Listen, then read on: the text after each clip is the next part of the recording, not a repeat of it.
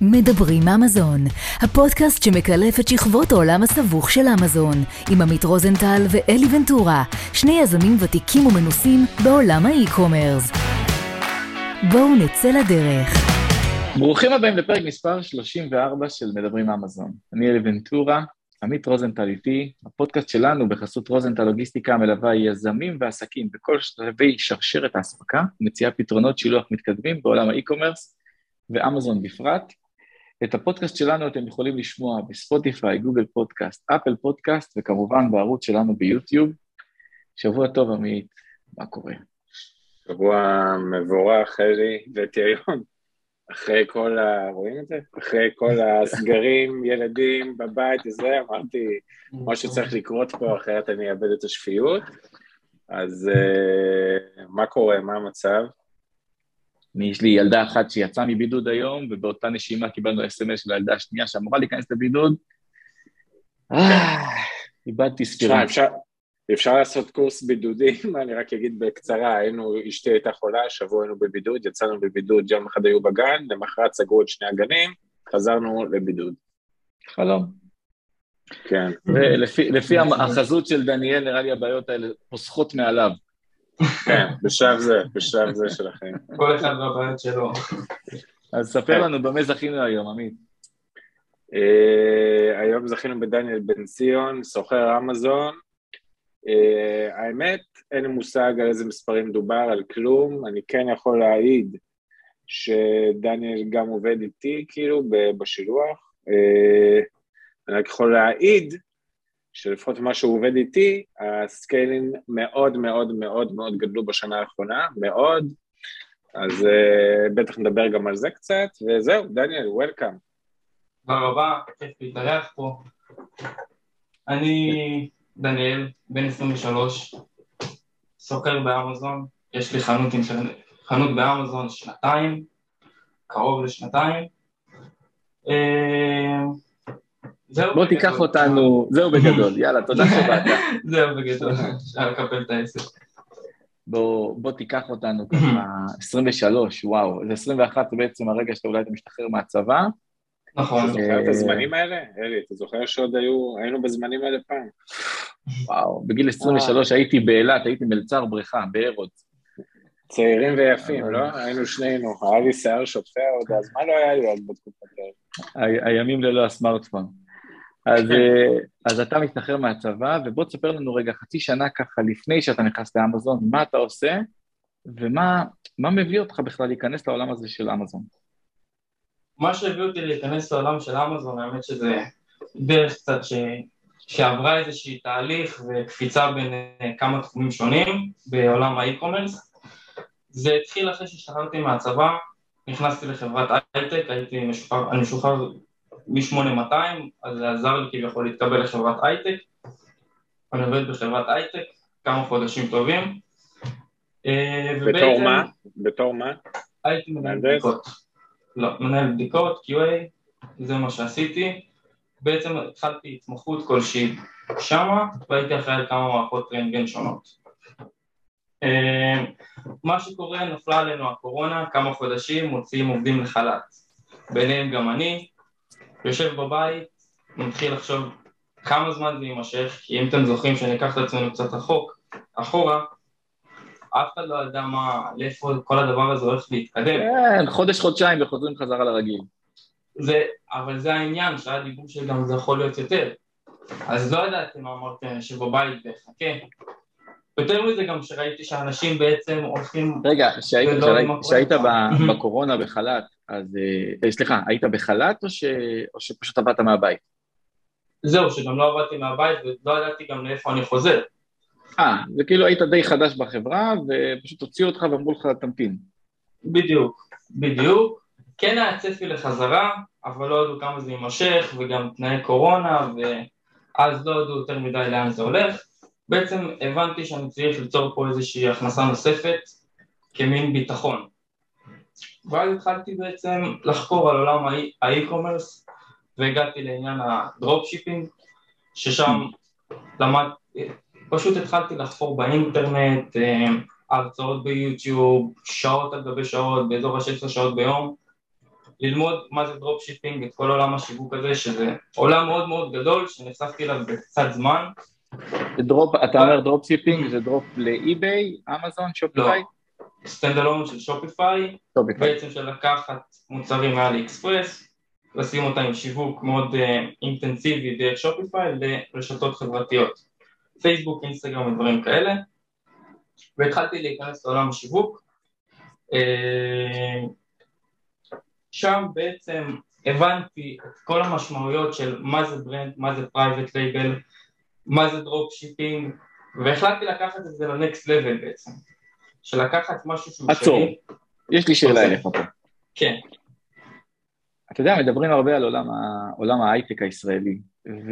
ואומרים שאנשים שמגיעים במסלול של 8200 ומעט משתלבים בהייטק, זה סוג של אנשים אחר, שיודע לחשוב אחרת, שמביא אה, אה, משהו אחר, ובגלל זה יש לנו, בגלל זה קוראים לנו את ה start-up nation. האם אתה חושב ש, שהדרך שעשית, כלומר, הכלים שקיבלת ב-8200, באמת שאלה שמסקרנת אותי, הם אלו שהובילו אותך להיות כל כך סקרן ב, ביציאה שלך לאזרחות ו- ולחפור וללמוד דברים חדשים, אפילו בעצמך? האמת שמה שאני חושב שמאחד הרבה יוצאי 8200 מעבר לכלים שרוכשים במהלך הצבא, זה בעצם היכולת הלמידה האינטנסיבית, של לקחת בעצם איזשהו עולם שלא בהכרח שאתה מכיר, כי הרבה כאלו שמתגייסים ל-8200 לא בהכרח יודעים מה הם הולכים לעשות עד עצם העובדה שגם במהלך הקורס הראשוני אתה לא באמת יודע מה אתה הולך ללמוד, אתה נחשף, נחשף למה שאתה הולך ללמוד ולכל המודיעין ולכל הדברים האלו רק בשלב יותר מאוחר וזה בעצם מה שחברות הייטק מחפשות, אנשים שלומדים מאוד מהר תחום חדש וואו. שיש להם בהם כלים מסוים. אני, אני רוצה רגע לשאול משהו על הדבר הזה, כי כאילו, אני, אלי, אנחנו לוקחים את זה מאוד, כאילו, כדרך אגב, שדניאל היה ב-8200, שזה דבר שלא ידעתי, ודניאל כנראה בחור צנוע שלא מתפאר בזה יותר מדי, אבל בוא נבין בכלל מאיזה רקע הגעת, דניאל, איך בכלל הגעת ל-8200? זאת אומרת, היית איש שהוא אוריינטד למחשבים בחיים שלך, למדת מתמטיקה, זאת אומרת, מה המבנה אישיות שלך בכלל שהגעת ליחידה הזאתי, אה, וזהו, ואז תמשיך בעצם אה, משם, כי אין ספק שאנשי יחידה 8200 זה יחידי סגולה במדינת ישראל בכלל. מבחינת איך הגעתי לתפקיד הזה, האמת זה לא משהו ש... שדי נקלעתי אליו, בוא נקרא לזה ככה, שבעצם אני התגייסתי בכלל, בוא, איך אני אסביר את זה זה, זה מין מסלול כזה קצת אה, חדש, ואני לא יודע בכלל איך להגדיר אותו נכון. אה, אני בכלל הגעתי מחיל הים. אני בכלל לא הגעתי מ-8200, אני הגעתי מיחידה לוחמת בחיל הים, שבעצם התגלגלתי לשם בשלב של רעיונות, ומשם פשוט התחלתי מסלול גיוס של 8200, ש... שפשוט סיימתי הכשרה מסוימת, בחיל הים, ואז התחלתי מסלול עם 8200 ועשיתי הכשרה וקורס בגילות כמו שצריך, הכל מסודר, ומצאתי את עצמי שם. משם לקחתי את הכלים שיש לרשותי והמשכתי איתם קדימה. מדהים. אוקיי. מדהים, באמת. אז זה, זה, באמת, זה, רק על זה אפשר לדבר עכשיו שעה, אבל אנחנו נתקדם כן. הלאה. אז יצאת, עשית למידה עצמאית מעניינת, חפרת את העולם של ה dropshipping. אגב, נכון. בתקופה שה dropshipping כבר שחוק בגדול. נכון. אני התחלתי dropshipping ב-2013. נורא שחוק לגמרי. אמ, יש הרבה... מה זה אומר שחוק? סליחה, אלי, דניאל, מה זה אומר שחוק, כאילו, בקטע הזה? אני אגיד מה, את ה-2 סנט שלי, אה, שחוק, אני מתכוון לכך שעלויות הפרסום עולות משנה לשנה, ואם ב-2013 שילמתי בפייסבוק דולר לקליק, אז דניאל כבר שילם 2.5 דולר לקליק, ולפעמים זה יכול להיות מאוד מאוד משמעותי, במיוחד כשאנחנו עושים מוצרים מאלי אקספרס שהם מאוד מאוד זולים, והרווח הפער בין הרווח להפסד הוא גדול, וגם ריבוי התחרות. בוא, כשאני עשיתי נכון. dropshipping, המילה הזאת בכלל אף אחד לא ידע אותה, לא בישראל ולא בעולם. ואצלו זה כבר, אתה יודע, כל כך הרבה קורסים היו בשנים האחרונות, כל כך הרבה אה, סרטוני יוטיוב. האמת שהטעות הכי גדולה שלי שם זה שקפצתי על מוצרים טרנדים בעצם. אני לקחתי חנות שמתעסקת בגאדג'טים, שזה טרנדים מאוד מאוד אה, מאוד מאוד תחרותיים, עם פחות מוצרים, אבל המון המון תחרות על כל מוצר. בעצם זאת הייתה אחת הסיבות שעברתי מהתחום הזה ולקחתי את זה למשהו שהוא קיים, עם private label משלי, ושם מצאתי את אמזון. אוקיי, איך הגעת לזה בכלל? סתם עוד פעם סקרנות, התחלת לחפור את האינטרנט ואמרת מה, מה זה השטות הזאת? האמת שיש לי חבר שהתעסק באמזון, והיה לו ברנד משלו, שבאיזשהו שלב זה תמיד היה מאחורי הקופסה, אבל לא יודע למה נמנעתי מהעולם הזה, ובאיזשהו שלב ישבתי איתו, שאני בכלל מתעסק על האתר שלי, על השופיפיי, הוא יושב על, ה... על העסק שלו, הוא אומר לי, שמע, יש לך כאן קהל חם באמזון, עם לקוחות שרוצים לקנות, עם מוצרים שאתה יודע בהכרח שימכרו, בוא תמצא בידול למוצר מספיק טוב, ועוף על זה. וזה מה שעשיתי. ישבתי וחיפשתי מוצרים, מספיק בידולים. האמת שאז לא היה לי יותר מדי את כל הכלים של ההליום ואת הג'אנגל סקאר ואת כל הכלים בעצם שעוזרים לחפש מוצר, עשיתי את הדברים ידני. אז עברתי קטגוריות, כן, עשיתי את זה. ממש, לקחת BSR ושמת אותו בקובצי אקסל? לא, אבל ממש בתוך האתר של אמזון נכנסתי לקטגוריות וחפרתי בפנים ועברתי עמוד עמוד וחיפשתי, אתה יודע, הסתכלתי על ריוויואים מבחינת אה, מוצר שמוכר הרבה, לפי BSR ולפי הר"ן, ובעצם שהריוויואים שלו לא כל כך טובים. ואז לקחתי את הריוויואים האלו, שקללתי אותם בטבלאות מסודרות, מה טוב, מה רע, שקללתי את כל הדבר הזה, בעצם הצעתי לעצמי כמה מוצרים שונים כאלה, ואז התחלתי לחפש ביניהם מבחינת הזדמנויות אה, מה הכי נכון, במה יש יותר תחרות ומה יש פחות תחרות, עד שאימצתי מוצר אחד, שאיתו הלכתי עד הסוף. אמ, זהו. אני רגע רוצה לשאול את ה... את ה... כאילו, את המקפצה מ... מ drop shipping ל private label, זאת אומרת, ב drop shipping עשית כסף, או שאתה יודע, מה שחבר שלך אמר לך, בצבץ לך פה בראש בגלל שראית שכסף גדול אין ב drop shipping והבנת שפוטנציאל כלכלי יש יותר ב private label, או למה זה עשה לך את זה, כאילו לעשות את ה shifting הזה בין, ה, בין, ה, בין הדרכים? מה שקרה בין הוא... השיטות נקרא לזה. שבעצם מהרגע שיצאתי מההייטק, כביכול יצאתי לחל"ת, לא היה לי הרבה כסף נזיל, ש... וגם לא, שם, לא הכרתי את העולם הזה שאני אבוא ואשים סכומים מאוד גדולים על התחום הזה בשביל ליצור עכשיו מלאי בכמויות גדולות. Mm-hmm. אז הלכתי על עניין ה drop shipping כי כביכול לא, אין צורך להחזיק את כל הסחורה. כי בעצם אתה עושה את התיווך הזה, מה שאתה משלם זה משלם על פרסום. אבל בשביל להגיע לסקיילים הגדולים האלו וה, והכסף הגדול שרציתי וראיתי שיש בתחום הזה צריך לשים הרבה כסף על פרסום ולא על סחורה. אז אמרתי אני כבר אשים את זה על סחורה ואז שיהיה לי תזרים מזומנים נכון אז אפשר לשים את הפרסום כמו שצריך תגיד, מה, מה הייתה המטרה שלשמה בכלל אה, נכנסת, או, או שסתם כאילו אמרת בוא נזרום ובוא נחפש עבודה, או שאמרת אוקיי, אני נכנס לעולם הזה במטרה מסוימת לעשות איקס, או להעביר את הזמן, או לעשות כסף, או להיות יזם, או, או לברוח ולטייל בעולם, או רק להעביר את הזמן עד שאני חוזר להייטק. כל התשובות נכונות, אפשר להגיד את זה ככה. אה, בסופו של דבר, לפני שנכנסתי אה, להייטק, טסתי עם אותו חבר גם לחו"ל, לתאילנד, היינו, גם הוא השתחרר, גם אני השתחררתי, וכמו שאתה אומר, הוא יושב על מחשב בתאילנד, עובד, מסיים לעבוד, נהנה, וחוזר לסירוגים. עכשיו, עוד פעם, העסק רץ, הוא מטייל, נשמע מדהים. אני הולך עם הדבר הזה בתוך הראש שלי, שכביכול מאחורי הראש שלי, להייטק, וזה מה שאני חושב. ברגע שהייתה ההזדמנות של הקורונה, פתאום הכל צץ. וואלה. כן. ואז גם פה נכנס כל העניין של הכסף והפוטנציאל, שאתה רואה את כל ה... את הווליומים שמתעסקים עם אמזון ובכל התחום הזה, וזה מה שקנה אותי בסופו של דבר. תשמע, אני חייב, אני חייב לשאול ולהגיד, כאילו, כן? ב... אתה יודע, אתה...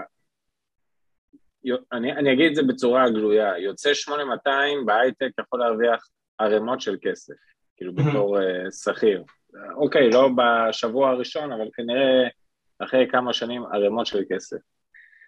להיות יזם או יזם אמזון זה סיכון, זאת אומרת, אתה מסכן כסף שהוא שלך, אתה, יש לך ים בריזיקות שאתה צריך לקחת, הרבה יותר קל ללכת, להרוויח 50 אלף שקל בחודש, לחיות את חייך הטוב, ללכת לסיים את היום בשבע, להניח את העט, לקום מחר, לקחת ימי חופש שאתה רוצה.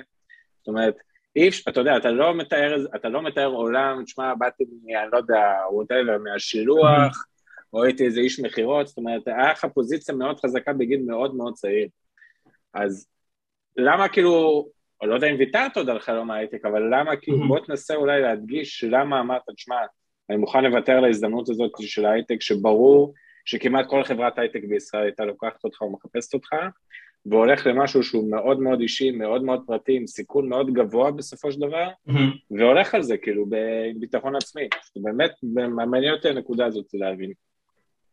אמ, קודם כל אני מאמין שבגיל 23, כשאנחנו יותר צעירים ואין לנו מחויבות מבחינת משפחה, ילדים, בית, דברים כאלה, זה הזמן שלי לקחת סיכונים ולחלום בגדול ולעשות את הדברים בגדול. אה, וזה גם מה שחיפשתי בסופו של דבר.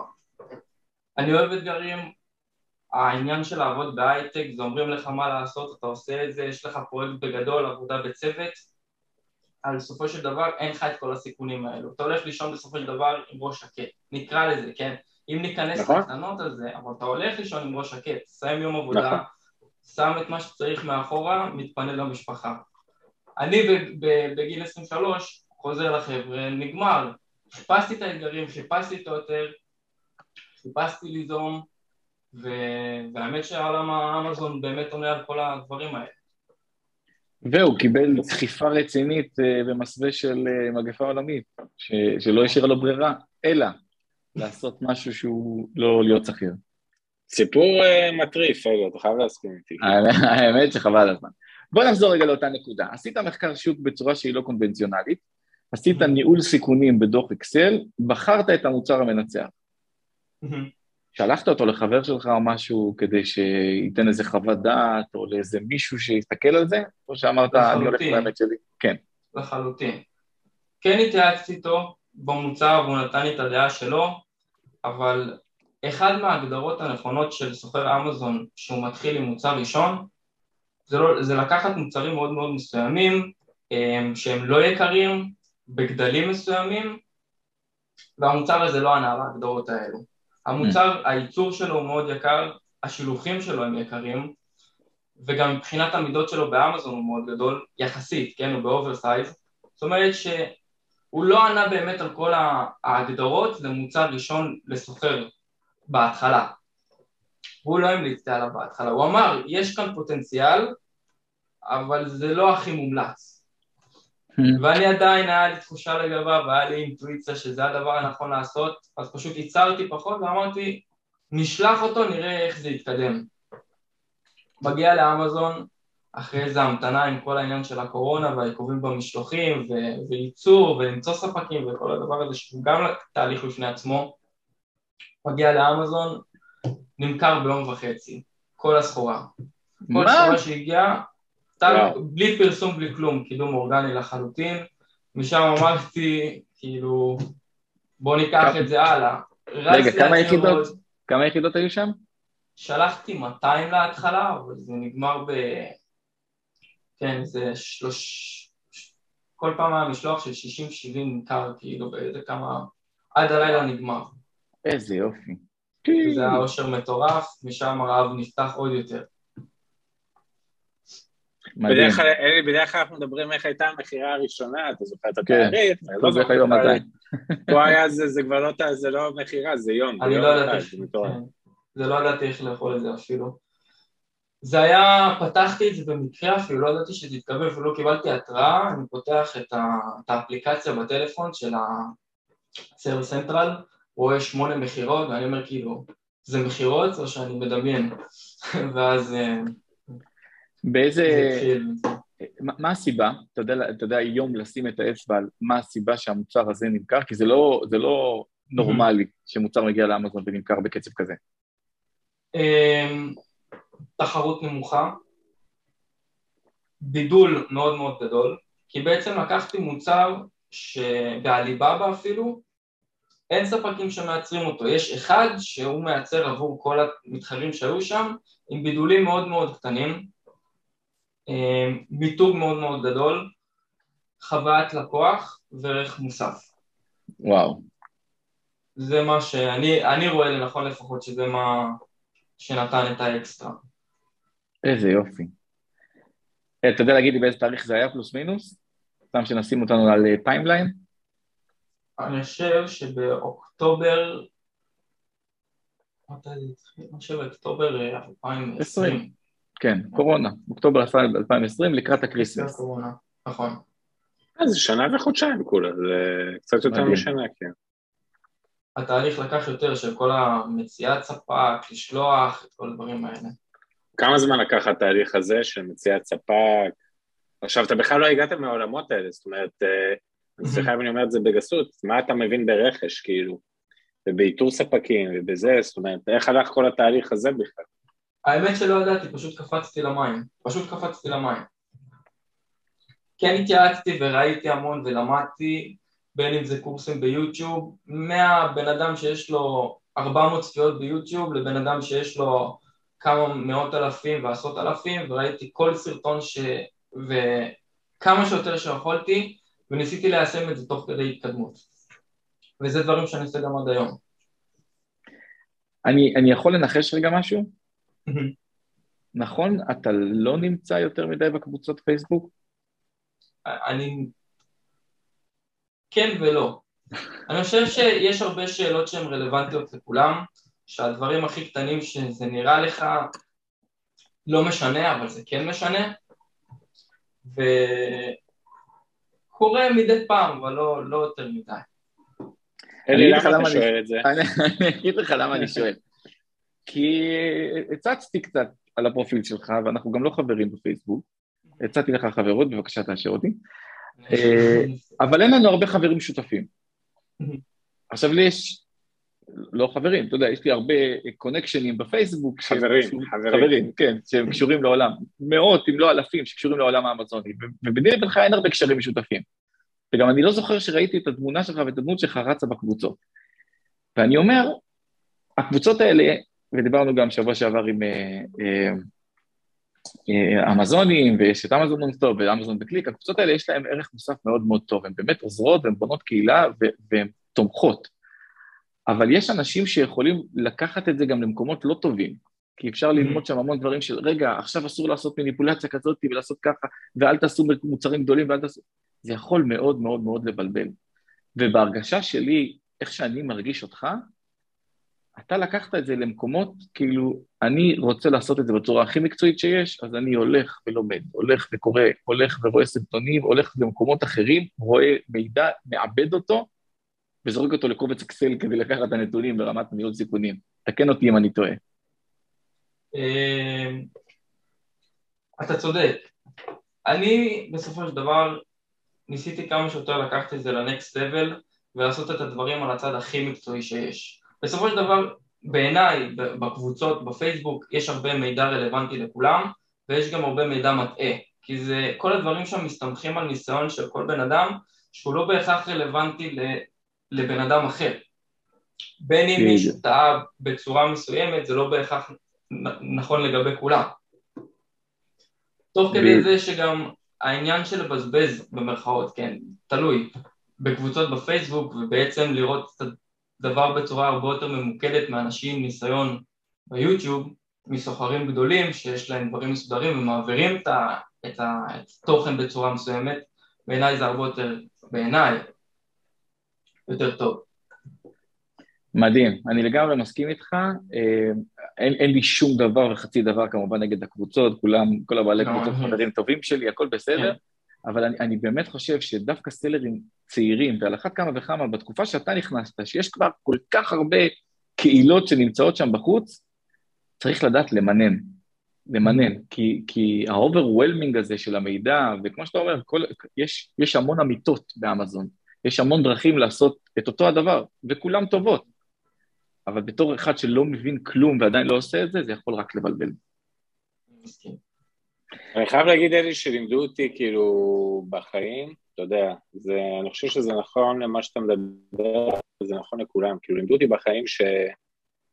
לא משנה לאיזה צרה אתה נופל עכשיו, היא לא, לא, ממש לא חייבת להיות צרה עסקית, אתה בסוף צריך איזשהו גרעין חברים של שניים, שלושה אנשים שאתה סומך עליהם, כי אם אתה תתחיל לשאול עכשיו 15 איש, ואני מגביל את זה לקהילות האלה, אז כל אחד ייתן לך דעה אחרת, ובסוף בכל דבר צריך לקבל איזושהי החלטה לכאן או לכאן. אז היכולת למקד את עצמך עם אנשים שאתה סומך עליהם באיזשהו גרעין קטן, וזה לא משנה איך אתה מגיע לאנשים האלה, אם זה ביוטיוב, בפייסבוק, לא, ווטאבר, היא בעיניי קרדינלית, ו... וגם בסופו של דבר, לא משנה כמה עצות תקבל מכמה אנשים שחוו את אותם דברים בערך, אין חכם כבעל ניסיון. זאת אומרת, גם עצם האי-הצלחה, או עצם הבעיה, או עצם הטעות, אפשר ללמוד ממנה הרבה יותר אחר כך על, על הלכה למעשה לדברים קדימה. אה, וזה מעניין, הסוגיה הזאת מאוד. מדהים. טוב, בוא נתקדם הלאה, דניאל. אנחנו הגענו לאמזון, אנחנו באוקטובר 2020, המוצר מתחיל לעוף, מה שנקרא, אתה עושה עוד הזמנה ועוד הזמנה. מתי אתה עושה scale-up?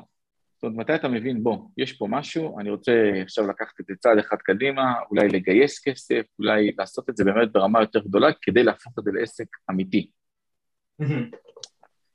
בסופו של דבר, אחד הדברים שלמדתי, שסוחר נכנס לנישה מסוימת של מוצרים, או למוצר ספציפי שהוא מעוניין למכור, צריך לקחת בחשבון גם את הווליומים שהוא הולך להתמודד איתם. שזה משהו שמכל הדברים שלקחתי בחשבון, את זה לא לקחתי בחשבון. Hmm. ובעצם בשביל לעמוד בדרישה ובביקוש, צריך לגייס מקורות כספיים נוספים, שלא בהכרח יש לי. ושם זה כבר עניין של לבוא לבנק ולהציג את עצמך למנהל בנק בתור מישהו בן 23 ולהסביר לו, היי, אני הולך למכור מוצר ככה וככה ולהסביר לו את מטרת המוצר ובעצם שהוא יאמין בך, כי בסופו של דבר הוא סוג של שותף בעסק שלך. ואז לקחת ולגייס מקורות כספיים נוספים ולעוף עם זה. פשוט לא, לשרוף את הספינות, מה שנקרא, שמעתי את המשפט הזה ומאוד התחברתי אליו, פשוט לרוץ ו, ותוך כדי להתמודד עם הבעיות שייווצרו. אז, אז הצלחת לגייס כסף מהבנק לטובת המטרה הזאת? גם, אבל גם ב, ב, בדרכים שונות. כן, בעיקר מהבנק, כן. וואו, איזה יופי. אכפת לכם רגע, אלי, אלי, פליז, אכפת לכם בלי לפרסם שמות, בואו לא ניכנס לשמות, בסדר? זה לא תוכנית פרסומית, ואם אלי, אם אתה רוצה לפרסם, תפרסם. אבל שאני כאילו, מגיעים אליי, הרי אני סוג של שוקת שבורה, שמלא סלרים, אני מדבר איתם גם ככה ביום יום. וכל מי שאני מדבר איתו, ואני אומר לו, שמע, למה אתה הולך ל... לא, without name dropping. לגייס, כאילו, לקחת הלוואה שם, למה אתה לא הולך לבנק? אז אומרים לי, בנק? מה הבנק בכלל מבין? מה הוא יודע מה זה e-commerce? מה הוא מבין מה זה למכור באמזון? מה הוא מבין, כאילו, אם אני עכשיו אגיד שאני רוצה למכור מוצר? אז דווקא מעניין, דניאל, שאתה הלכת כן לבנק וכן, כאילו, לקחת הלוואה או גייסת כסף מהבנק, אני אומר לך, זה באמת, באמת, באמת, אני, תשמע, אני שומע מאות סיפורים בחודש, וזה אחד למיליון, כאילו, שאני שומע שמישהו באמת הלך לבנק, הסביר לבנק, וכאילו לקח הלוואה מהבנק לעסק מהסוג הזה. חייב להגיד את האמת. האמת שישבתי, היה לי בנק שההורים שלי פתחו לי, שפשוט אמרתי איך אני מתקדם איתו, וראיתי שזה לא מתקדם. כי הבנק הסתכל עליי מבחינת ההתנהלות הכספית שלי בהתאם לאיך שהתנהלתי לפני כן.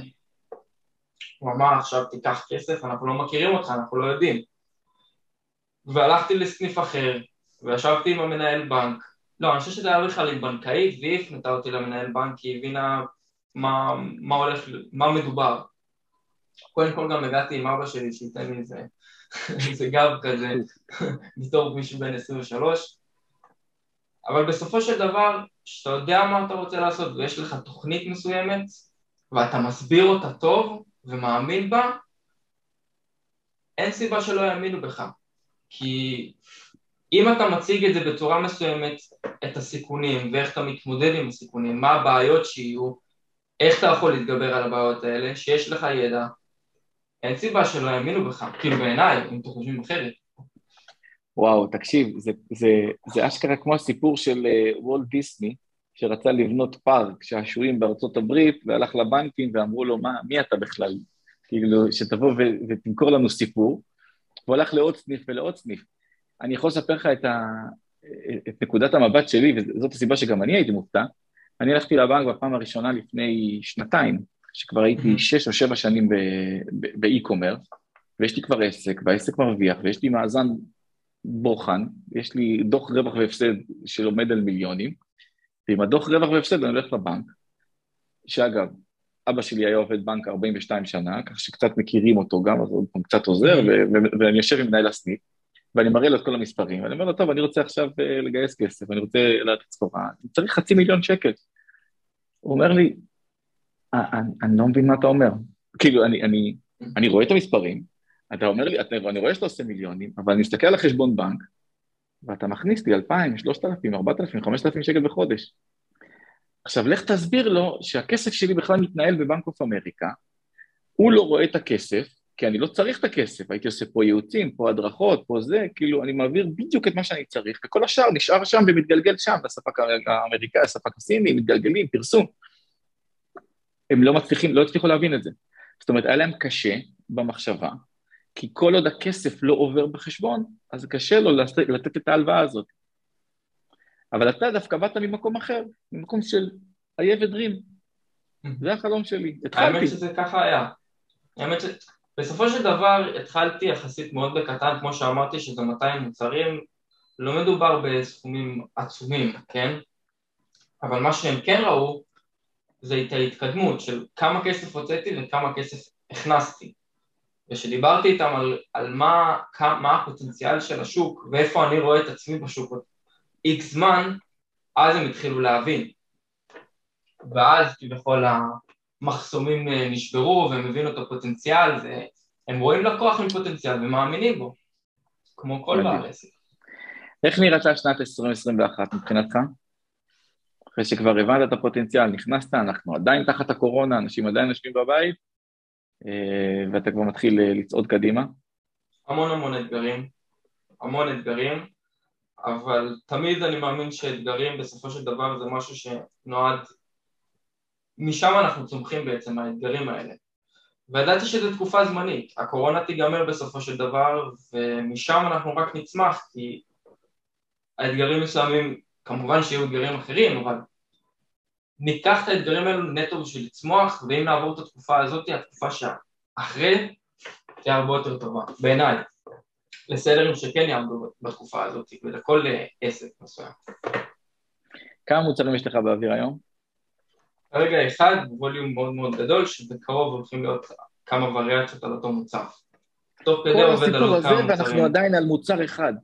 נכון. oversize, גדול, מרשים, שמתנפח לו מחודש לחודש. כן. איזה יופי, איזה מגניב. מה המטרה לשנה הקרובה? שלוש מוצרים, ביניהם... שלוש אה, וריאציות או שלושה מוצרים שונים? מוצרים שונים, עם וריאציות, ובעצם להתחיל לצאת מאמזון לכיוון הסטנדלון עם אתר מסוים משלי. זאת אומרת, אתה סוגר מעגל. בוא נדבר, אלי, בוא נדבר רגע על הצבא, כאילו, על בניית מטרות והצבת יעדים ואיך אה, משיגים את היעדים האלה שמציבים אותם. שיטת ה... אה, כמו מבצע סבתא, שיטת הרץ הקנייתי. רצים בשיא הכוח ולאט לאט מגבירים. הבנתי, לא, אני, אני, אם נהיה רציניים רגע, אני אגיד משהו כאילו דרכי, בסדר? אני, אני מודה שהעסק שלי, כאילו, אני, אני מסתכל תמיד על, אה, על, על כאילו, על כמה כסף עשיתי החודש, בסדר? זה המטרה, ש... לא אגיד היחידה, אבל המרכזית שלי. ומבלי לחשוף מספרים וכלום, אני באמת תמיד התחלתי בקטן, זאת אומרת אמרתי בואו נעשה את ה-X הזה, אחרי זה ראיתי שה-X הזה הגיע אז אמרתי טוב איך אה, עושים X ועוד 15 אחוז, הגעתי אליו והלאה, ואז בעצם אחרי שאתה מגיע לאיזשהו מקום מסוים, עכשיו המחשבה שלי כבר לא רק כמה כסף אלא איך אני משמר את, את הגודל הזה ואיך אני כאילו עושה scaling, אבל אני, אני יכול להגיד שמהמקום שלי, הדבר הראשון שאני עושה כדי לנסות להשיג כאילו מטרות, זה גם, זה גם להציב יעדים ריאליים. זאת אומרת, אתה לא יכול להגיד, אוקיי, יש לך vision, זה נכון, כמו שדניאל אמר לבנק, יש לי vision, אבל בוא תסביר לי איך אתה הולך לעשות את ה vision הזה. ואתה צריך לדעת לחלק את זה להרבה מאוד חלקים קטנים ולמקפצות קטנות בעיניי, כדי להגיע לאיזושהי הצלחה, כי אחרת אם אתה לא מצליח להגיע לאחד היעדים האלה שהצבת שהוא בלתי נגיש, נקרא לזה במרכאות, האכזבה ומה שיכולה לגרום יכולה למוטט את כל הקלפים מתחת. אז זה לפחות מהניסיון האישי שלי. האמת שיש ספר נורא טוב שמדבר על זה, קוראים לו חשוב להתעשר. שהוא בעצם אומר, תציב לעצמך מטרה, נכון, תציב לעצמך מטרה, תתעמק בה, בסופו של דבר זה יקרה. כמובן שיש כאן תוכנית מסוימת ואת כל הדברים שעוקפים את זה, ש, שגורמים לזה להתבצע, אבל ביניהם זה גם הצבת מטרות יותר קטנות, ש, שאיתם אתה מגיע למטרה הגדולה. האמת שיש כלי נורא טוב שהתחלתי להשתמש בו, שזה בעצם מטרה ש... מין לו"ז שבועי, תכנון שבועי של מה אני עושה בכל יום, חודש, שנה וב vision הרחוק. מדהים. אני אגיד לך, עמית, להבדיל מעסק מהסוג שלך, ש, שזה עסק של service, ש, שאתה נותן לי שירות ואתה מקבל ממני כסף מחר, ואז, ואז זה זז, או, ש... או מחרתיים. או שלא. לא, לא, לא, לא עליכם, אני לא מדבר עליכם, אתם יודעים את זה. הסיבה שאני בונה אה, מטרה שנתית, זה אם אני עכשיו רוצה להגיע ל-5 מיליון דולר מכירות השנה, זה אומר שאני צריך להגדיל עשרה מוצרים בשנה הקרובה, זה אומר שאם אני אתחיל לייצר אותם היום, מי כמוך יודע שהם יגיעו לאמזון במאי. אז אני לא יכול לבנות על, על, על חודש, חודשיים, שלושה חודשים. לכן אני חייב לתכנן קדימה, לתכנן שנה קדימה, והמטרה היא מטרה לשנת 2022. אותה, לפי הספר אגב של נפוליאון היל, אני מפרק אותה לרמה חודשית, לרמה שבועית ולרמה יומית. יש לי פה כתוב לי על הלוח כמה אני אמור למכור היום, בדיוק. אני קם בבוקר ורואה, מכרתי, לא מכרתי. כמובן שאין יותר מדי מה לעשות ברמה היומית, אבל זה, זה המגדלור שלי, שהוא מוביל אותי בסופו של יום למטרה שכתובה למעלה, שהיא המטרה השנתית. יפה. אמ, דניאל, אנחנו מתקרבים אה, לסוף. אה, יש לי עוד שאלה לפני שאנחנו בשאלה האחרונה. בטח. אמ, יש מחשבות על אקזיט, או שזה מוקדם מדי לדבר? האמת ש... האמת שאני קראתי ספר שקוראים לו אוקיינוס כחול, אם mm-hmm. יצא לכם לקרוא אותו. בוודאי, אה, ספר מדהים. מי שרוצה לדעת איך עושים בידול, זה הספר. ממש ככה. ומהספר הזה יצאתי עם המון המון מחשבות של יחד עם רוברט קווסקי, וכל העניין הזה עשה לי איזשהו חשק לקחת את העסק ובעצם מאמזון להפוך אותו למותג בפני עצמו. ולראות איך אני מקדם את אותו כביכול ברנד לאפיקי השקעה מסוימים. אז כרגע זה אולי זה שלב מוקדם יותר להגיד, ואולי ברגע האמת אני אשתנה, אבל כרגע כאילו אני אשנה את הדעה שלי. כרגע אני עושה אולי, אולי לעניין של לקחת את זה לברנד יותר גדול שיושב בפני עצמו, ולא לקחת את זה לעניין של מכירה נטו באמזון. אפשר לשאול איזה אפיקים למשל? הייתי דווקא בחור שעשה משהו שהוא, אני לא יודע כמה זה נכון מבחינת השקעה, של בעצם הוא, הוא קנה כבר מחסן משלו בארצות הברית, שבעצם הוא מכניס אליו סחורה, מאחסן, שולח את המוצרים שלו, ובעצם הוא מנהל עסק של, של שליחת סחורה אליו, הוא אחראי כל העניין כביכול גם מבחינה נדל"נית, כן, הוא קנה כאן שטח בסופו של דבר שהוא נותן מענה ל, ל, ל, ל, ללקוחות אחרים באמזון שהוא מאחסן להם את המוצר, מעלה לו את הרווחיות, כי בעצם זה שהם משלמים על השירות שלו, זה נותן לו להוריד מחירים על המוצר שלו ובעצם לעזור לו עם התחרות שלו באמזון. ופשוט סתם מחשבות שעולות לי מבחינת איך אני לוקח את זה לאפיקים שונים לגמרי מחוץ למכירה, שבעצם ייתנו לי את האפשרות למכור טוב יותר. אוקיי. Okay.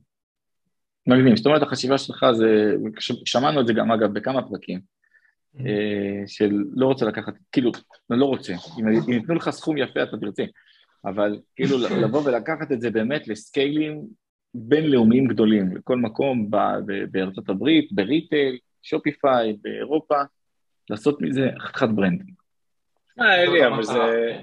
אבל, אבל תקשיבו, זה, זה דבר ידוע שאם יש לכם אה, עסק באמזון שמוכר, לא יודע, בשתי מיליון דולר, או עסק שאתה יכול לעשות שמכל שתי מיליון דולר באמזון, חצי מיליון דולר ב Shopify, מיליון דולר בוולמארט וזה, אתה, אתה, אתה תקבל עליו, ללא קשר לזה שכמובן הרווחיות גדולה יותר, תקבל עליו מכפיל הרבה הרבה הרבה יותר גבוה,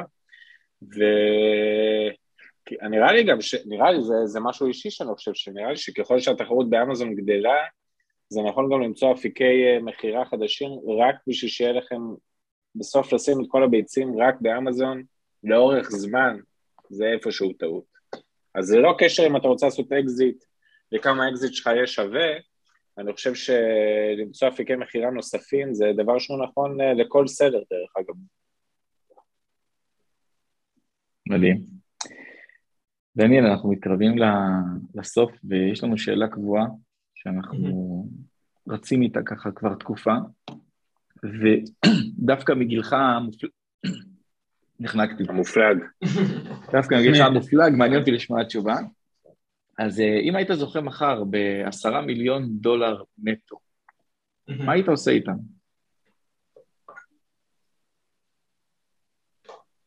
כנראה שמכניס אותם לעסק. ממש ככה. כולם? אני צוחק, לא. יפה. אמ, חלוקה לאחוזים. קודם כל לוקח את הכסף, נח איתו איזה חודש, חודשיים, ומתחיל אה, לאבד אותו בראש, וכנראה מה שאני אעשה בסופו של דבר זה אחוזים לכל דבר, בין אם זה להשקיע אותו בשוק ההון, בין אם זה לעשות עוד עסק במקביל, בין אם זה להכניס לעסק הקיים, בין אם זה נדל"ן, פיזור אפיקי השקעה. אתה אומר פנסיה לא בא בחשבון. לא, אני אשתעמם בפנסיה נראה לי. מה עם פלייסטיישן 5? לא אמרת את זה, זה גם צריך לומר. יש לי ארבע, אבל זה אסון, זה מטחנת זמן. לגמרי, לגמרי. דניאל, אה, תודה, תודה, תודה רבה שבאת להתארח אצלנו. מאחל לך המון המון המון בהצלחה, ואין לי ספק שאתה תשיג כל מטרה שתשיג לנגד עיניך. ו... ויאללה, נתראה. היה פרק מעורר השראה, לא? תגיד. היה פרק עמוס בהשראה, הוא אפילו לא מבין כמה. כי הוא דיבר ממקום כל כך צנוע, אבל אולי אחר כך שהוא יקשיב לזה, אז הוא... שלא ידעתי בכלל איך לסדר את הדברים, לא התכוננתי, כלום. כן, מקווה שזה יצא מסודר. דני שלח לי איזה 200 וואטסאפים היום, רגע, אז על מה נדבר? רגע, אז תגיד לי מה היה. בסדר, אל תדאג. אני מקווה שיהיה בסדר, שהיה בסדר. אני בכל אופן נהניתי. גם אני. תודה לך, דניאל, תודה. יאללה, שיהיה לילה טוב והמון בהצלחה. לילה טוב. ביי ביי. ביי ביי.